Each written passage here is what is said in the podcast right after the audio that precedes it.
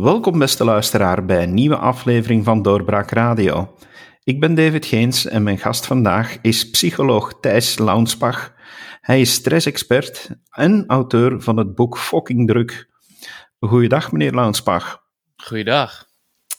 U bent auteur van een boek Fucking Druk. Ja. Uh, waar gaat dat boek eigenlijk over?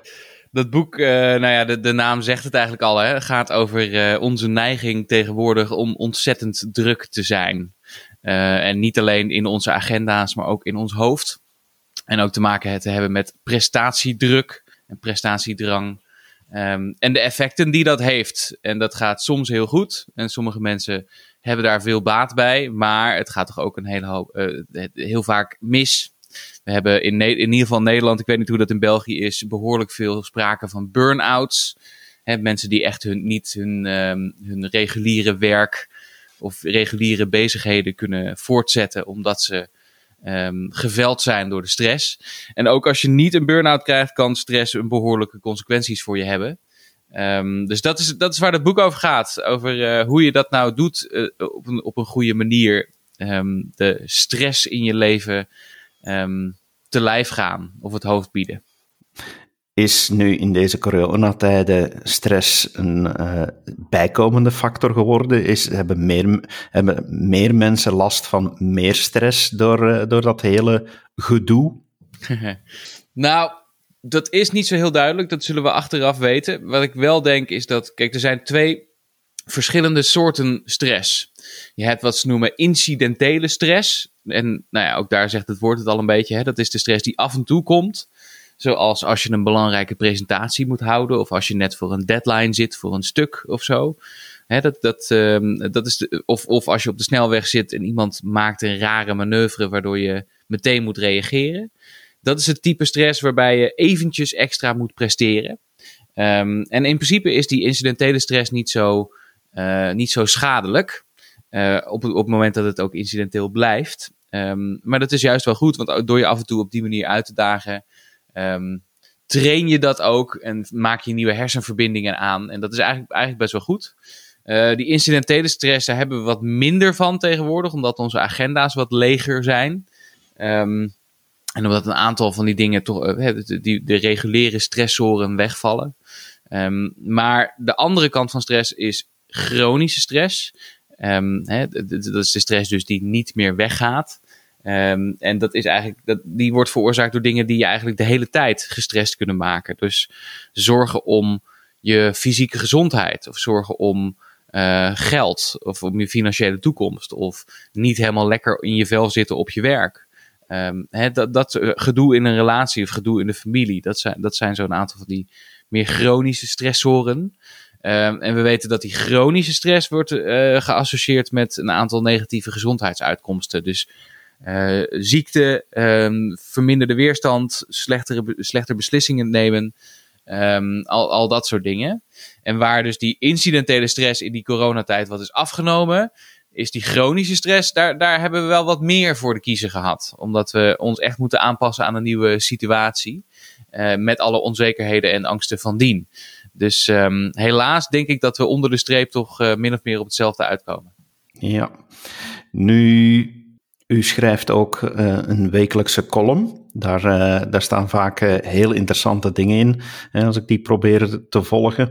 Maar okay. onlangs had, had u een, een heel mooie column over coronawoorden. Ja. Hoe kwam u erop om, om plots daarover te schrijven? Um, nou, ik, het, het, klopt. Ik heb die column voor het, uh, voor het Algemeen Dagblad in Nederland. Um, en die doe ik doorgaans over stress. Uh, en alles wat ermee te maken heeft. Of, of rustig leven. Hè, dat zijn meer de onderwerpen. Um, maar aangezien met die coronacrisis we allemaal getroffen zijn. En ook ikzelf. Um, heb ik de, de onderwerpen toch een beetje verlegd van die column.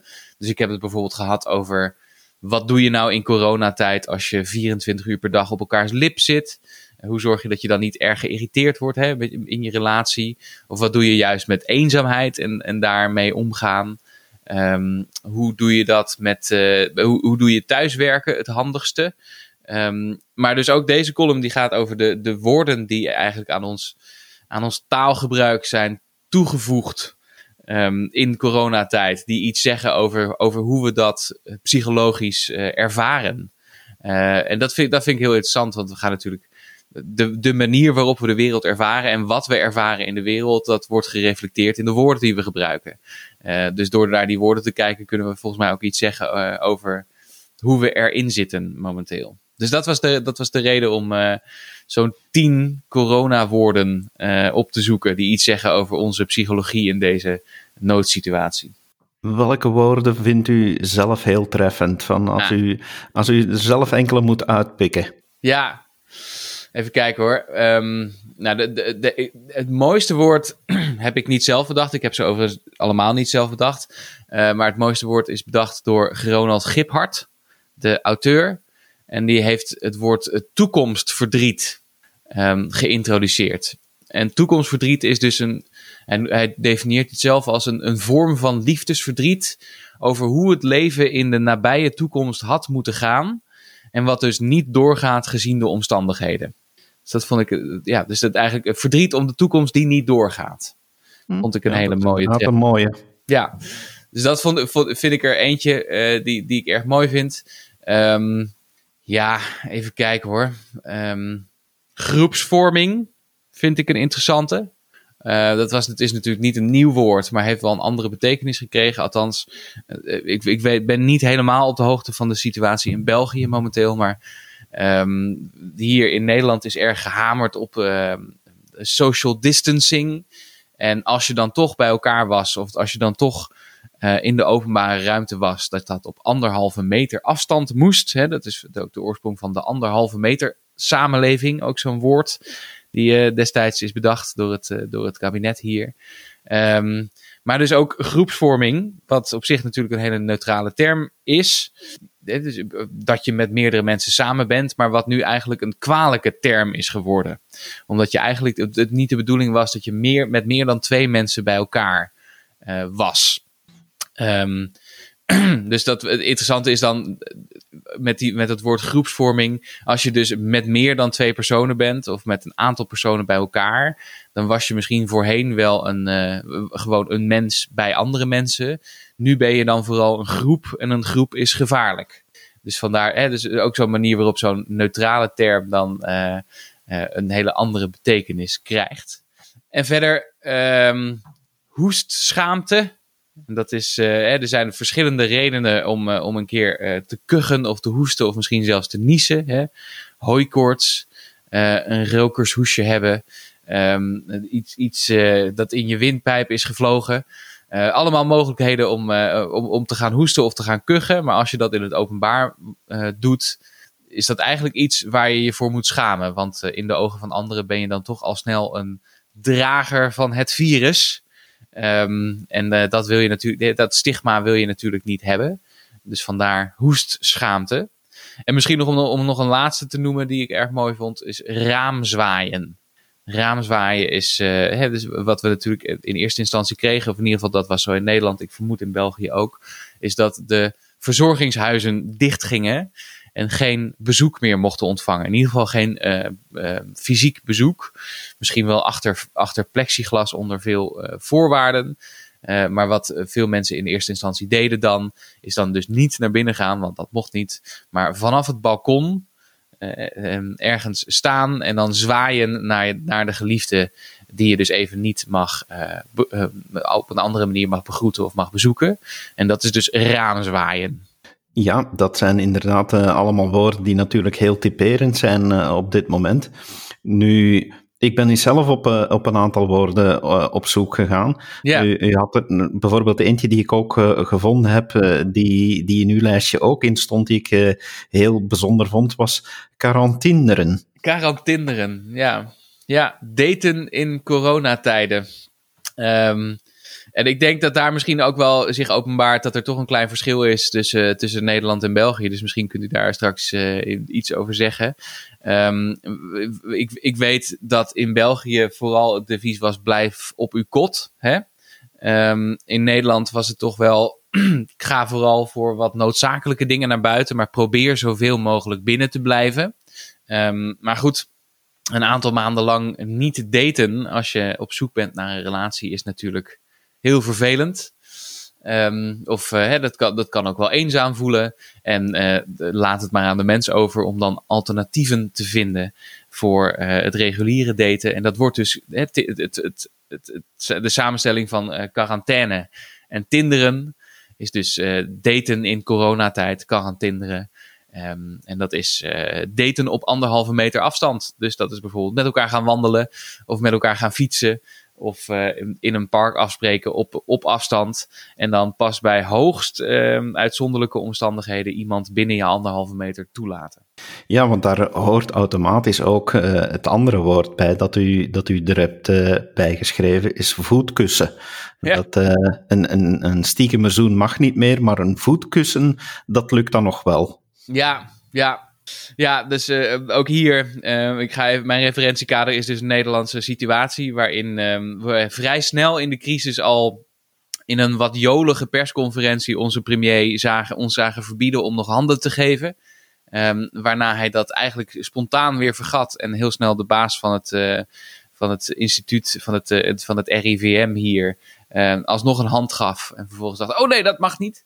Um, dus nee, de traditionele manieren van begroeten, die, uh, die mogen niet meer een kus of een, of een hand geven. Uh, en er worden uh, allerlei olijke um, alternatieven voor geboden, zoals voetkussen, wat betekent op één been gaan staan en met, het andere, met de andere voet te tegen de voet aantikken van de ander. dus dat is voetkussen of elleboog, een, een elleboogbox. Uh, wat het proberen het puntje van de elleboog tegen elkaar te, te, te mappen is.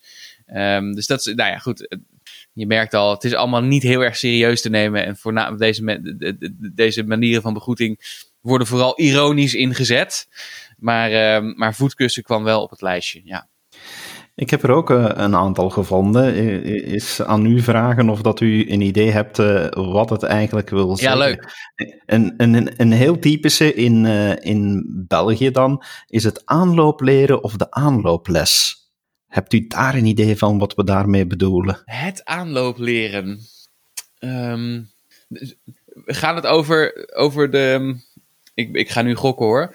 Uh, want, ik, want ik weet het niet. Maar gaat het over het omgaan met de ongemakkelijke situatie die ontstaat op het moment dat je um, met een vriend of vriendin of familielid samenkomt en elkaar niet mag groeten? Is dat het? Dat zou, zou inderdaad een mogelijkheid zijn, maar het heeft helemaal met het onderwijs te maken. In, in België ah. hebben, we, hebben we het systeem gehad dat uh, in uh, de, het afstandsleren, dat er werden lessen gegeven die in aanloop waren naar de echte ah, uh, lessen die, die nadien terug zouden gegeven worden. Dus uh, eigenlijk van ja, tijdens de lockdown via, via digitale hulpmiddelen nieuwe leerstof doornemen die later in de klas herhaald zal worden. Ah, wat goed. Wat een, wat een prachtig woord. Je zou het ook breder kunnen trekken dan alleen de lessen. Dat we misschien ook wel een beetje de afgelopen maanden een soort aanloopleven hebben geleid. Ja, inderdaad. Uh, dat, uh, dat kan je inderdaad ook wel zeggen. we, hebben, we hebben eigenlijk al een beetje. Uh, daarnet heb je, heb je al iets genoemd van dat dat eigenlijk op, op mijn volgende lijkt. Misschien is dat ook eerder eentje uit ons land. De balconversatie. de balconversatie. Ja, Um, ja, als je, als je op uw kot blijft, dan uh, kun je natuurlijk wel op het balkon staan en in die zin uh, met je buren converseren. Ik kan me voorstellen dat dat een balconversatie is. Ja, inderdaad. Van dus uh, het gesprek dat je voert van op je balkon. Ja, mooi. En daarbij aansluitend heb je dan de balkonade. Ja, dus als iemand jarig is, een, een, een verjaarslied voor iemand zingen, maar dan op het balkon. Of vanaf het balkon. Ja, inderdaad. En dus ook omgekeerd, wat je, wat je heel vaak hebt gezien, is dat heel veel uh, mensen, of toch mensen die dat dan bijvoorbeeld wat een betere muziekinstallatie hebben, van op hun balkon uh, muziek gaan spelen. Dus uh, muziekuitvoering van op het balkon of een uitzending van een muziekstuk, om op die manier toch een beetje de mensen in, hetzelfde, in hetzelfde appartementsgebouw ook allemaal op het balkon te krijgen en toch een beetje een sociaal gevoel te krijgen. Ja, oké. Ik had uh, voor de coronacrisis nog een, een, buurman die erg hield van uh, balkon, balkonades. Maar dat was dan avant le lettre, denk ik. Um, Maar ja, mooi. Wij hebben hier ook nog eh, op een gegeven moment het, het balkon klappen. Of het. Ik weet, ik weet niet meer precies wat de term was. Maar dan werd er vanaf balkons en vanuit tuinen werd er geapplaudisseerd voor de, wat we dan noemen, de vitale medewerkers. Dus de zorgmedewerkers op de uh, intensive cares en dergelijke. Het was, was ook nog een, een variant. Ja, dat hadden we in, in België ook. Elke avond om, om acht uur werd er uh, in heel wat straten en van op heel wat balkons inderdaad met pannen en potten en alles wat lawaai kon maken, werd er een, een eerbetoon, een saluut gebracht aan iedereen die in de frontlinie staat en stond. Maar ook, uh, ook elke avond dus. Ik geloof dat wij in Nederland uh, hebben we het er met één keer uh, ons van afgemaakt. Maar dat is wel, dat, is, dat is dan fanatieker dan dat wij zijn geweest. Overigens ook, u zegt frontlinie. Het is ook wel fantastisch, tenminste fascinerend hoe de, de, de, de, eigenlijk de metafoor van oorlog steeds terugkomt. In, in frontlinie en de strijd tegen corona en uh, de, de, de strijd winnen en dergelijke. Het terugdringen van het virus. Um, dus we hebben toch wel uh, eigenlijk vanaf het begin het al als een soort militair, een militaire operatie gezien. Ik weet niet of dat in België ook zo is, maar dat was in ieder geval in, uh, in Nederland zo. Ja, die terminologie werd, uh, werd ook wel gebruikt. En daar eigenlijk bij aansluitend van, uh, ik denk dat ik het woord meer gevonden heb eigenlijk in Nederland uh, dan, in, dan in Vlaanderen, is blote snoetenland. die heb ik nog nooit eerder gehoord, een blote snoetenland. Ja, dat is een land waar uh, de meeste mensen zich eigenlijk wat minder aantrekken van de virusepidemie en dus waar geen algemene richtlijn bestaat om een mondbedekking te gebruiken in publieke ruimtes. ja, ja, precies. Ja, wij, wij hebben, um, bij ons is het dus erg gehamerd op die anderhalve meter, waardoor eigenlijk um, steeds het verhaal was dat die mondkapjes eigenlijk weinig zin hadden. En er werd ook steeds op gehamerd dat die ook verkeerd gebruikt konden worden en dan een, een, een, een, juist een tegenovergestelde effect konden hebben. Ik denk eigenlijk achteraf gezien dat dat ook wel kwam omdat die mondkapjes gewoon niet voorhanden waren. Maar de enige, uh, de enige plek waarin je, waarop je in dit blote snoeterland een mondkapje dient te dragen is in het openbaar vervoer. Mm. Hebt u mensen in uw omgeving die last hebben, en nu ga ik een, uh, een heel moeilijke vraag stellen, maar hebt u mensen in uw omgeving, en dan onder uw mannelijke vrienden, die last hebben van een cockdown? um, ik weet niet of ik in mijn, uh, in mijn directe omgeving um, uh, mannen heb die last hebben van een cockdown. Um, omdat je, nou ja, niet, niet meer dan normaal, denk ik. Maar ik, ik kan me voorstellen dat dat te maken heeft met um, niet, uh, niet aan je seksuele behoeften uh, kunnen voldoen door een lockdown. Inderdaad, en blijkbaar zou het ook met stress te maken hebben die, er, oh. die ermee te maken heeft. Dat, dat, uh, dat stress een, een serieuze invloed heeft en dus zorgt voor een laag libido. Ah, oké. Okay. Ja, dat kan, ik, dat kan ik me goed voorstellen. Ja, stress zorgt voor een laag libido, maar ook als je wel met elkaar uh, samenwoont, bijvoorbeeld, is ook het 24 uur per dag op elkaars lip zitten, um, kan behoorlijk zorgen voor een verminderd libido. Um, uh, wat je misschien, eh, dus enigszins contra-intuïtief misschien, maar zo, zo werkt dat helaas wel. Dus een cockdown, ja, dus dat gaat niet zozeer om het feit dat je uh, niet aan je trekken komt, maar dat je ge gewoon minder behoefte hebt. Begrijp, begrijp ja. ik. Inderdaad. Ik schrijf allemaal even mee hoor. Ik vind het mooie, mooie woorden. Ik uh, vraag me af of dat er uh, tussen Vlaanderen en Nederland uh, in aantallen veel verschil zit met covidioten. covidioten. Nee, ik denk dat dat misschien verhoudingsgewijs wel, wel min of meer hetzelfde zou zijn. Ik heb zelf nog wel het woord gebezigd in een andere column, coronaso's. Dus dat zijn uh, asociale um, uh, mensen die, die in de coronacrisis asociaal zijn geworden. Maar ik neem aan dat een covidioot gewoon iemand is die, die, die zich van geen kwaad bewust is en, um, en een beetje de kont tegen de krip gooit. Ja, inderdaad, die gewoon uit pure domheid uh, de, de sociale onthouding, de, de social distancing uh, niet respecteert en die dus ja, de, de regels gewoon overtreedt uit dommigheid. ja, die heb je zeker in Nederland ook, absoluut. Ja, Eentje die ik niet kende, uh, waar ik uh, persoonlijk gelukkig niet mee in contact ben gekomen, is, en ik hoop voor u ook niet, is de drive-by uitvaart. Ja. Ja, ik heb daar wel over gehoord, ja. Ja, ja dus dan, uh, een, een uitvaart mag niet meer met, met een grote groep. Um, en een van de dingen die je kunt doen is een drive-by uitvaart, dus langsrijden met je auto. Uh, ik heb trouwens ook de andere kant wel, wel gehoord. is een, een, een balkon babybezoek of een drive-by verjaardag. waar, waar je, in je bij iemand dan een minuut of vijf of tien inboekt. Dat is jouw tijdslot. Um, en dan kom je langs gereden met de auto en dan moet je daarna weer, weer door. Ja, zelfs het drive-by dansen bestaat dus. Oh ja, drive-by dansen.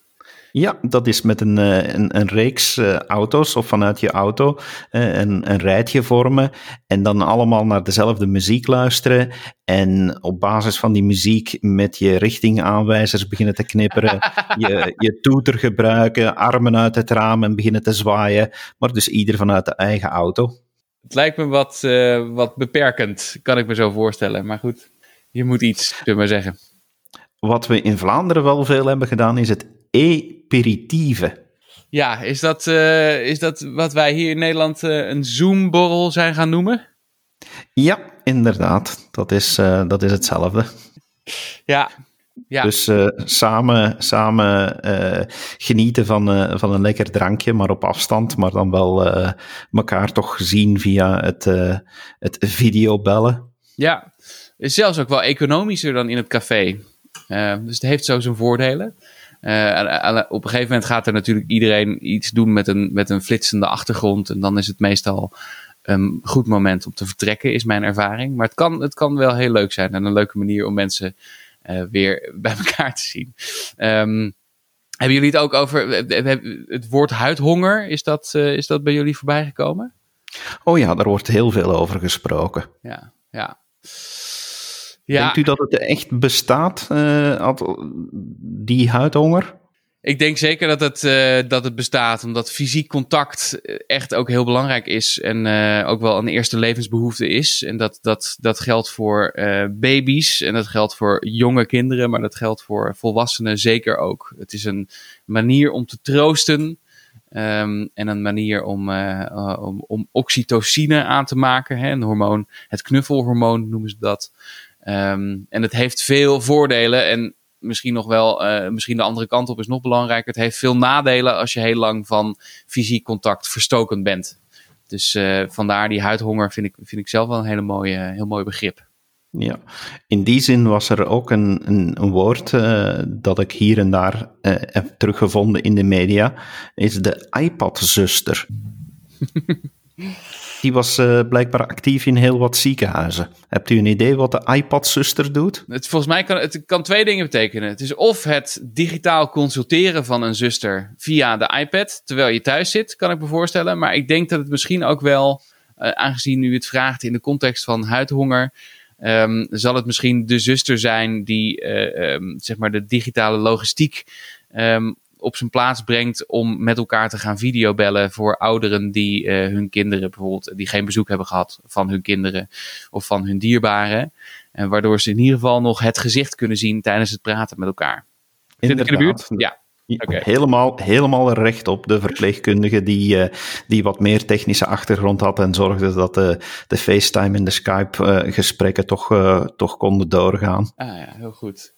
Ja, misschien dan in, in het, gooi ik er ook nog eentje in, in het kader van de huidhonger en het elkaar niet kunnen zien, vond ik het woord corona crew.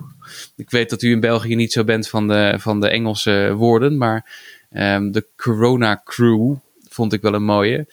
Dat is um, voor mensen die alleenstaand zijn en dus niet onderdeel zijn van een huishouden en die dus helemaal uh, van fysiek contact um, uh, verstoken zijn, die um, soms een surrogaathuishouden instellen met een aantal goede vrienden, waarmee dan wel dichtbij fysiek contact mogelijk is, terwijl je de rest allemaal op afstand houdt. Dus dat is dan uh, die mensen samen, die twee of drie mensen met wie je dat dan afspreekt, dat is je corona crew. Dat is nauw verwant met uh, wat wij uh, mantelbellen noemen. Dat is dus, uh, dat is dus iemand die als vrijwilligerswerk gaat telefoontjes doen met kwetsbare of alleenstaande personen. dus ja, een soort mantelzorg van op afstand. En dat heeft zelfs het nieuws gehaald dat de, de kinderen van, van onze koning zich daar actief mee bezig hielden om, om oudere personen een telefoontje te geven. Dus die hadden regelmatig een lijstje van personen die ze opbelden en zeiden van hey, ik ben uh, prinses Elisabeth en uh, ik wou eens horen hoe het met u gaat. Dus mantelbellen. Aha. Uh, en, en heeft u ook een, een belletje van prinses Christina mogen ontvangen of, of niet? Nee, nee, nee, nee. Ik denk dat, ze, dat ze weten dat ik republikein ben, dus aan mij was het niet besteed. Oké, nou ja, doen ze toch iets nuttigs. Um, maar ja, ja, nee, ja, dat kan ik me mantelbellen dus. Nou, ik heb weer, uh, ik heb weer voldoende uh, inspiratie voor een tweede ronde. Ziezo, dan ben ik heel blij dat, uh, dat ik u ook wat inspiratie heb kunnen geven. Ja. Meneer Launsbach, heel hartelijk dank voor dit hele fijne gesprek. Graag gedaan, dat was leuk. We zullen elkaar in de toekomst nog wel uh, spreken, denk ik, uh, maar dan ook meer over uw expertisegebied. Want ik denk dat, dat we in een maatschappij leven waar stress niet snel zal verdwijnen. Nee, dat blijft nog wel leven. Dus laten we ervan uitgaan dat we elkaar nog um, hopelijk voor of na een tweede golf, als die komt, nog een keer in levende lijven kunnen spreken. Zeker en vast, dankjewel. Okay. En u, beste luisteraar, dankjewel dat uh, u erbij was en uh, geniet zeker ook van onze andere podcasts. En als u er echt van geniet, uh, geef ons ook een steuntje in de rug en word een vriend van Doorbraak. Dankjewel en tot de volgende keer. Dag. Dit was een episode van Doorbraak Radio, de podcast van doorbraak.be. Volg onze podcast op doorbraak.be/radio of via Apple Podcasts, Overcast of Spotify. Bezoek ook onze website op doorbraak.be en steun ons door een vriend te worden van Doorbraak.